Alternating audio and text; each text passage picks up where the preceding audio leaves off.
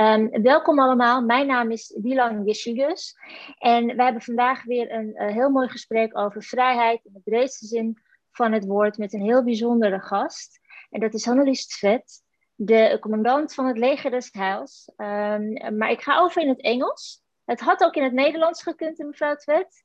Had gekund, uh, maar we doen het in het, uh, in het Engels. Volgende keer kunnen we het in Nederlands doen. Kijk, kijk, afgesproken. Um, so we're going to switch uh, to English um, because you came to our country a few years ago from Denmark, if I'm correct. And I want to welcome you, Commissioner Annelies Tvedt. It's uh, really great to have you uh, with us, joining us for our um, so-called freedom talks we have. Um, and we have met a few years before, and then I believe you just started as the territorial leader. That must be the coolest job title in the world, I think. Yes. Territorial leader. It's very cool. yes. Maybe you can share with us a little bit what a territorial leader does and is, so people yeah. know a little bit more about that. Thank you very much for this opportunity to talk to you. I also enjoy seeing you again, meeting you again. And uh, so, um, the territorial, as a territorial leader for the Netherlands territory, as we say, it's for the Netherlands, the Czech Republic, and the Slovakia those, those countries are connected. And I am sort of the overall leader on the spiritual um, front. So I'm the sort of the church leader of the Salvation Army in the in those three countries, and uh, it means that I I work with a group of people, other leaders with me, to also um, follow up on the visions and strategies and programs and developments and supporting our staff. We have in the Netherlands uh, 6,500 uh, staff that works 6, with 6,500. Yeah, and it's, wow. a, it's, a, big organization, you know, and it's a, it's a really devoted uh, staff we have who who are there for for the sake of the people that we serve. And uh, so it's it's a real blessing and, and joy for me to have this responsibility. I come from a very small Salvation Army in the in Denmark and Greenland, and into this beautiful Salvation Army in these three countries. So, uh, so yeah. I'm sorry. I was wondering what is the connection between those three countries? Why is it uh, uh, combined? When when the Salvation Army was originally in the Eastern Europe countries before the the the communist parties took over, and then when we were able to move in again, some of the other European countries were asked to uh, support the Eastern Europe countries to develop. And so the Netherlands took took uh, made friendship connections and uh, leadership connections with Czechia first, and five six years ago with Slovakia. Okay, well yeah. that's that's cool to know. And you have, um, do you also in, in, in Dutch we say uh, Heilsoldaten? Yes. The, the, the soldiers. We call them salvationists. Yes. Salvationists. Yes. yes. And, and, you have people who are not salvationists but yes. also work for you yeah, you can also a little bit. Yeah, sorry. A friend of the Salvation Army. A friend of the Salvation Army. So you have people who are friends of the Salvation Army and people who are Salvationists. And um, if I'm correct, then there are also a, a, little bit of different rules of conduct. Mm-hmm. Um, for yeah. example, uh, that that not drinking alcohol, and uh, there are yeah. a few rules of conduct when you're Salvationist, and yeah. so th- there's a little bit distinction because I think that people wonder sometimes why you see people in you have also a jacket i think the salvation yes. jacket? Yes, Uh, but you also know, we, are we are like a, we have an army system. Uh, so also the uniform is one of our best tools. You know i've been i've been wearing this uh, clothes every day for the last uh, 45 years. So wow. it's not the same one but i mean the same and you know it's, it's, i found it to be a very uh, helpful tool because it does signalize I'm available to you. I can I can be talked to. I can I can I will listen to you. I will try to uh, to to be part of your what is going on in your life. And uh, so it's it's actually a very it, it opens doors. I I've come into hospitals, into prisons, into uh, to pubs when we when in my younger days we went around on the pubs and sold the war cry our our magazine and so so I, I, I was never afraid in any of those settings and it, it's now when i on sundays uh, uh, when this covid time is over when i come back to my local church which is in the red light district and I walk there, I'm also it, it also helps me to connect with with the, the, the women who works there and yeah. and the people who lives there, and it's it's somehow opens a lot of doors. Yes, I, I can imagine. It's very recognizable. I've this, yeah. I've been in this work for the last 45 years. I was only 18 when I started. I've read that you were super young when you started. Yeah. Um, can I ask, um, was it a calling for you or how did it work that you were 18 when you joined Salvation Army? Yeah, I actually wanted this. I thought that this is a great opportunity to uh, to uh, use my life um, both to serve God and serve people. That is also one of the Salvation Army's sort of Mense Dine is Rot Dine at is Mense Dine is, uh, is a slogan from Major Bosshardt. And so, so somehow already in a young age, I wanted that. And, you know, if I could do it again, I would do it again. So, so wow. because it has somehow, uh, for me, when I thought about freedom, you know, coming into this conversation with you, I thought about freedom. What is it for me? And actually, it's been very much related to uh, connectedness, to be somehow um, rooted and, and grounded in something. And the organization has, of course, it's a Salvation Army. It has its rules and regulations, and it's a frame around my life that I chose to work in. But it has given me a lot of freedom. And, uh, and, and for me, freedom is closely connected exactly to that you know, I'm also a psychologist. So I, some years ago, I trained to become a psychologist. And there I learned uh, that one of the most important things for people is the attachment, the early attachment, and how to have a um, secure attachment pattern, to have a safe base for a child, how important that is for the freedom of the child.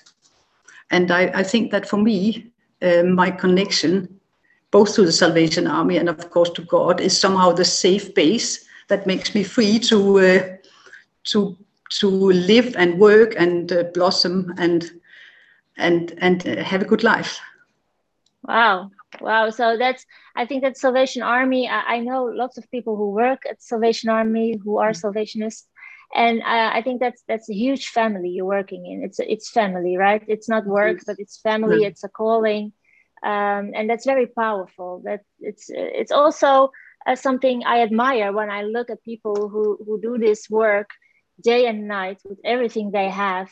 I think mm. you have to have that feeling of belonging, and this is my family, and I know what I'm doing it for. So that's very. I think it's very powerful. Mm. And also in these times, we live in very troubled times uh, right now, of course, uh, especially due to the pandemic. Uh, people worry about their health, their economic situation, about their loved ones. They might feel lonely uh, mm. or just, just trying to get by. And these are not problems that uh, they are not new for your organization because the people you work for and work with, they deal with these problems every day. But I mm. can imagine that the group uh, or, or the, the people you work for and with um, has grown in the past year. Um, what, what was it like this past year for you, for you personally, your organization, and all the people who work at the Salvation Army, and of course, the people you do it for? You know, as you say, it has that, that situation for many of the people that we work with has not as such changed in that sense because some of the fundamental issues that many of them are struggling with perhaps also comes from from the lack of early good safe attachment from broken relationships and from uh, health issues and all sorts of things that ha- somehow didn't go the way it should. So, so to a, to to a some extent, many of the people we work with, they have also developed a resilience in this uh, that they had before, mm. and they they they didn't have the same perhaps the expectations of of make, having a happy life as such, but but to make small steps of improvement. And so in this time, we have just, uh, one of our slogans has been to help us to stay connected uh, with each other. And that has meant that our people have ha- had to be creative in order to stay in touch with uh, all the many people that we are trying to assist. And also for many, many people in this time, it has been a lonely time. It's, it's a loneliness that is different now than was before and has has somehow also now that it has lasted so long uh, has somehow becoming very heavy a heavy burden on many people but our our staff and our volunteers they do they go out of their way to be creative to find all sorts of way to to bring uh, to bring a, a, little cheering up and a little uh, presence into people's life. I mean, so we have we have more we have more soup fits fits now. We have more of these soup bicycles and yeah. wagons and coffee uh, cycles and all you know you name it. And we try all sorts of things by also at, uh, connecting to people by post or mail or home visits or yeah, all that is possible. Or, I, I must say that I, I've been so encouraged to see the creativity by the Salvation Army members in this time. Yeah, I so, can imagine that in, in times like these, you do what you do best as the Salvation Army, and that's to reach out and to see the people who are not being seen, and that's uh, that's I think very important. And of course, all of us can have also a role in in, in helping you to do so did you see also a lot of people um, reaching out to you and asking, can we help? Can I do something? And uh, can you tell us a little bit more about that? What can we do? The people who a, are reasonably yeah, comfortable in these troubled times, even though. Yeah, I, I, I, we are very, we are very grateful for the financial support we give, we get, we get from a lot of people, and that we have needed even more in this time because some of our usual ways of getting money in has not been available to us with big concerts and things yeah. like that that we did before. So, so the financial support of people and the appreciation shown, like uh, coming, some come to our locations and with flowers to our staff, or they, you know, they have there have been so many nice moments of encouragement, or sending a card, or just uh, also uh, wanting, saying a prayer for us. I mean, we also believe in the prayer support for people. So, so all the way from fin- finance to uh, blessing has been uh, what we have received in this uh, time. And we also find that uh, internationally in the Salvation Army, we from the Netherlands have also been able to uh, to help internationally.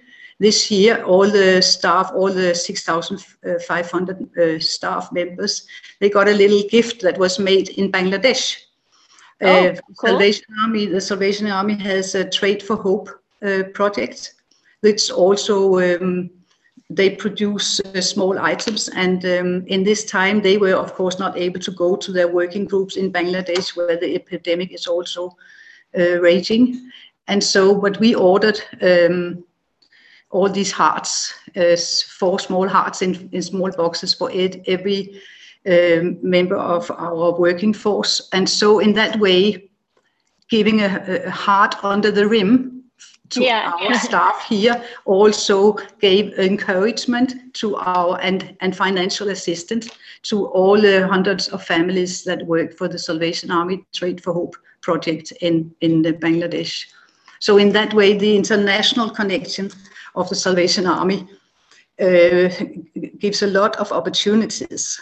And that's also one of the things I have enjoyed in my own time in the Salvation Army, the opportunities that lies there, and the yeah, and also the opportunities for women. Uh, that's one of the characteristics of the Salvation Army that we do strive for gender balance, also in leadership positions and in all sorts of layers in our organization. There is a lot of attention on women and to set women free and to, uh, to create working opportunities for women and to, uh, to talk up against um, and uh, against human trafficking and uh, also within the church give women the equal rights um, to be preachers uh, that i mean we've done that since we started so that's a freedom for women within our organization that i really appreciate I think that many people don't know what kind of role the Salvation Army also plays when it comes to these kinds of debates or discussions or issues.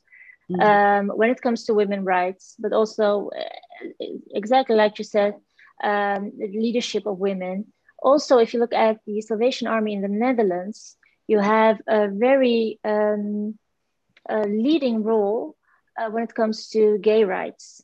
Yeah. Uh, and I know that's also a discussion within the Salvation Army worldwide, but it's very powerful to see that uh, you take all these um, leadership roles as an organization, as uh, uh the, the, leader yourself, um, mm. can you can you tell a little bit more about that? Because I think that most people don't know that you are also very involved in those changing mechanisms.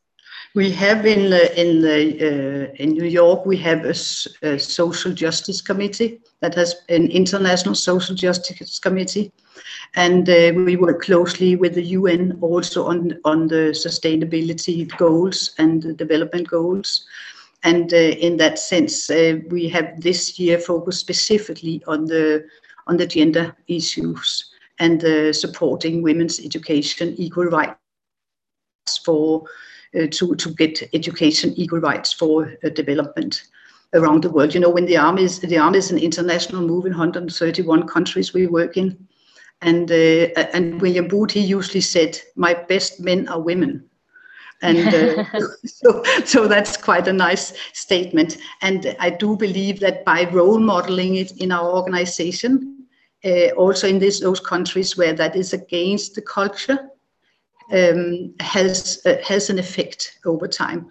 And and you know i, I actually there's one thing that I, when I thought about this conversation today, I, I, I was reminded of uh, Corrie ten Boom, that you know the Dutch writer, also uh, the, um, the she was also a Holocaust survivor. But she said she said freedom is not the right to do what you want, but the power to do what is needed. You know, and I think that is very that's a very strong message, the power to do what is needed. And for myself personally, I have I have achieved that um, space to, to to do something of what was needed in, in my life uh, in in as a, as a Salvation Army officer and within this organization that is to some extent still very old fashioned, you know. And, and also people think why why do they call it an army and so why do they use these terms? But we are we are in a fight against injustice, and we are also we are trying to um, to, uh, to we are trying to be an advocate on behalf of vulnerable people so it's not it's not a right to do what I want. That's not what I've had. That freedom I haven't had as such. I have never chosen where to live. Uh, I have never chosen my house or my country or my job. But it has really given me. But I have had a lot of freedom to do what was needed and to that, that power to to have influence on different layers in the society. That that is what the Salvation Army is. Uh, is where it's best. We are we are on all layers in the society. I, I, on a day I can I can if I'm very lucky I can meet the the king or the queen or you high up in the systems and then I can then I can go outside the door and I can talk to some of our people who live with us on the domes just next door and have beautiful conversations. Um, so so so and that that uh, frame it's a very large frame of freedom of influence that i feel that we have as a salvation army. And also a privilege and and of course a responsibility. I think that um, we can learn a lot from what you just said because well in my opinion in the west um, we tend to think that freedom is self-evident and we tend to think that freedom is doing whatever you want which is also freedom, which is very cool that we can do so. Uh, mm. But to do what is needed, that's a whole different level. That's a whole different sense of responsibility as well. Um, if I'm not wrong, you have earlier said in an interview that you think that the term happiness or geluk is mm. something rather a little bit Western, and that you rather talk uh, in terms of gratitude or um, just being satisfied with what you have. Yeah. Do you see because you have, of course, uh, um, you, you, see what happens in different countries where, where people struggle with. Do you think that in the West we are a little bit maybe spoiled, which is a good thing also because we have our freedoms, we work hard for it, and but that that being spoiled has also risks with it because then you think it's everything is self-evident and uh, you have you are entitled yeah, you know, one of the most interesting experiences I've done with myself at one time was when I lived in London. They, they had um, they had a week where we were uh, asked to live below the poverty line, which means that you live for one pound a day. And uh, I, I, I signed up for that. And then you're supposed to get people to sponsor you. And also you're supposed to give the money that you save to the Salvation Army international work. And we're actually just going into a similar week called, we call it the self-denial, putting aside something of yourself in order to contribute to other people's lives. So in this living below the line week, I had to live for, I could only buy food for one pound a day, which would equivalent to uh, a 1.2 euros or something. And you know, the, the worst thing, apart from how dif- I figured out how difficult it is to fall asleep when you're hungry, which millions of people do around the world, and they don't have the same comfortable bed and they don't have the same comfortable roof over their head. But the other thing that, st- uh, that, that stayed with me was the lack of freedom to choose. You know, when I went in to the shops, I could not just choose on all shelves. I had to be very, very careful. So the lack of freedom to choose because of the lack of finance. I think that that's one of the very privileges that we do take for granted and that we think is a given and um, and that where where we can easily become uh, very self-centered but but then I think there is a need to be to make more awareness of how different the world would be if we shared more with each other, both of uh, joy and conversations like this, you know, where we talk almost face to face and where we can share from our hearts, but also really practical. It's the same as when you ask me what has been the most important thing people can do in this moment. I say finances and prayer, you know. So it's in that scale. Yeah. And I do believe that it's not a given to be happy. And the best happiness sometimes comes from actually being grateful of what you have. And that is very easy, much easier for me to say because I'm healthy. I don't have a sickness that gives me pain every day. And I don't expect it from people who are living very, very strenuous lives. That's where you and I, as the stronger part, uh, should be there to help. But basically, a, a, an attitude of gratitude does give a better life, I think, somehow. I, I think I agree. I, I, I, know I agree. And I, have seen this uh, in the beginning of the pandemic in March, from March to I think till the summer, um, I've seen a lot of people around me and online, and I've heard about it, who were helping each other. People mm. were doing groceries for each other, helping out, calling, and everything. It was it was um, very heartwarming, and I, I know that that in my family, people said, and my friends, please stop getting groceries for me. It's enough now because I really wanted to do something. So I was looking, and I know that everybody was looking, what can I contribute? In my opinion, in this in this second wave, second lockdown, it seems like we have lost it a little bit. We are done with it. Of course, we are done. Everybody is done. We went back to our old lives. Um, but it seems a little bit like we're also done with uh, caring. Do you I think see this, or am I? I think we just need to, you know, it's always uh, easier to see what other people are missing. But, but if if I look at myself, I also feel a certain tiredness, and that is mm-hmm. where, and and we should just accept that from each other. There is a, a, somehow a tiredness in this also, but I do believe, like in my street, I've had more contact with my neighbors than ever before. Uh, also in this second wave, and we actually know a little more about each other and uh, and it's it's also perhaps we need to find a balance about uh, giving the help we think that people need and actually giving them what they need and yeah, what they're asking for. for me. Yeah, yeah. so so I don't know what you need and you don't know what we need what I need. But if we are in conversations about it, if we learn more to listen than to give, I think this is also perhaps more a, a time for presence being present than to give present. You know what I mean? So it's it's yeah. about the time is the most valuable thing that you can give to a person. We all have 24 hours, but I mean they are all more or less full, are they not? And so giving time for somebody in this hectic time where we can always find something to fill it with is, is a valuable gift. And when we can choose, I, we can choose to give some of our time away you are completely right and, and and you have given us your time to talk with us about such a important subject. And i know that uh, people who are watching this um, there are going to be people who feel that, that tiredness you were talking about um, and maybe to such a level that they don't know anymore what to do or how to get out of this. Um, do you have maybe um, to, to close this conversation advice for them? What can they do? The, the, the ones and i know so many people who are struggling right now because of all the worries they have or with their health or loneliness or a combination of everything. Do you have uh, an advice that might help uh, everybody who's struggling right now?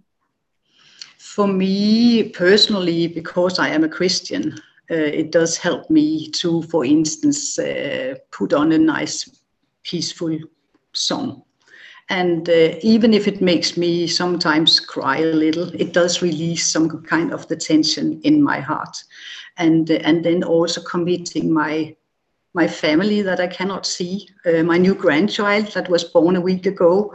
Uh, oh, and congratulations! So, yeah, thank you very much.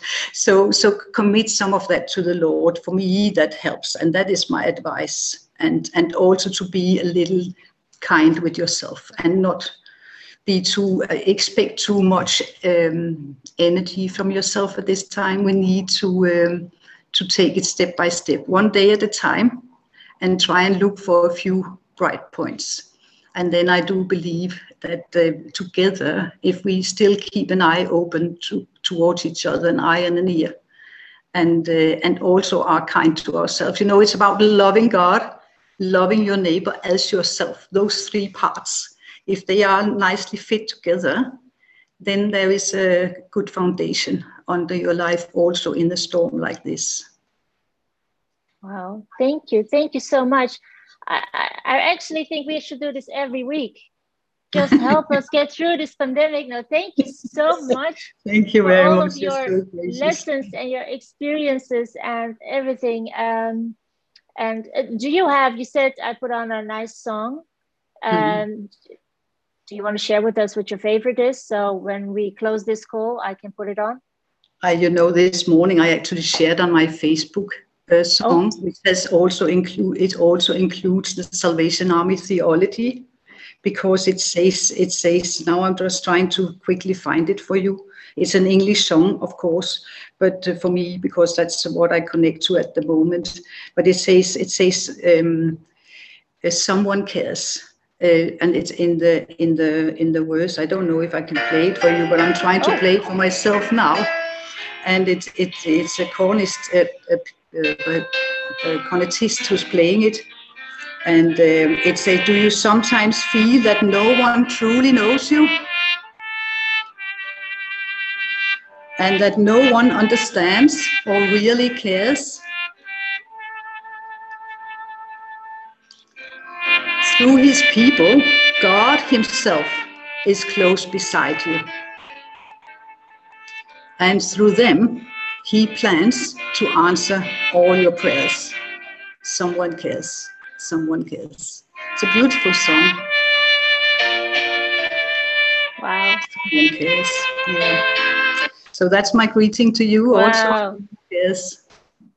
Thank you so much for this. Thank you. And I hope till next time uh, because this uh, had lots of inspiration and uh, support for us all. Thank you. And God bless you and your team. Thank you so much.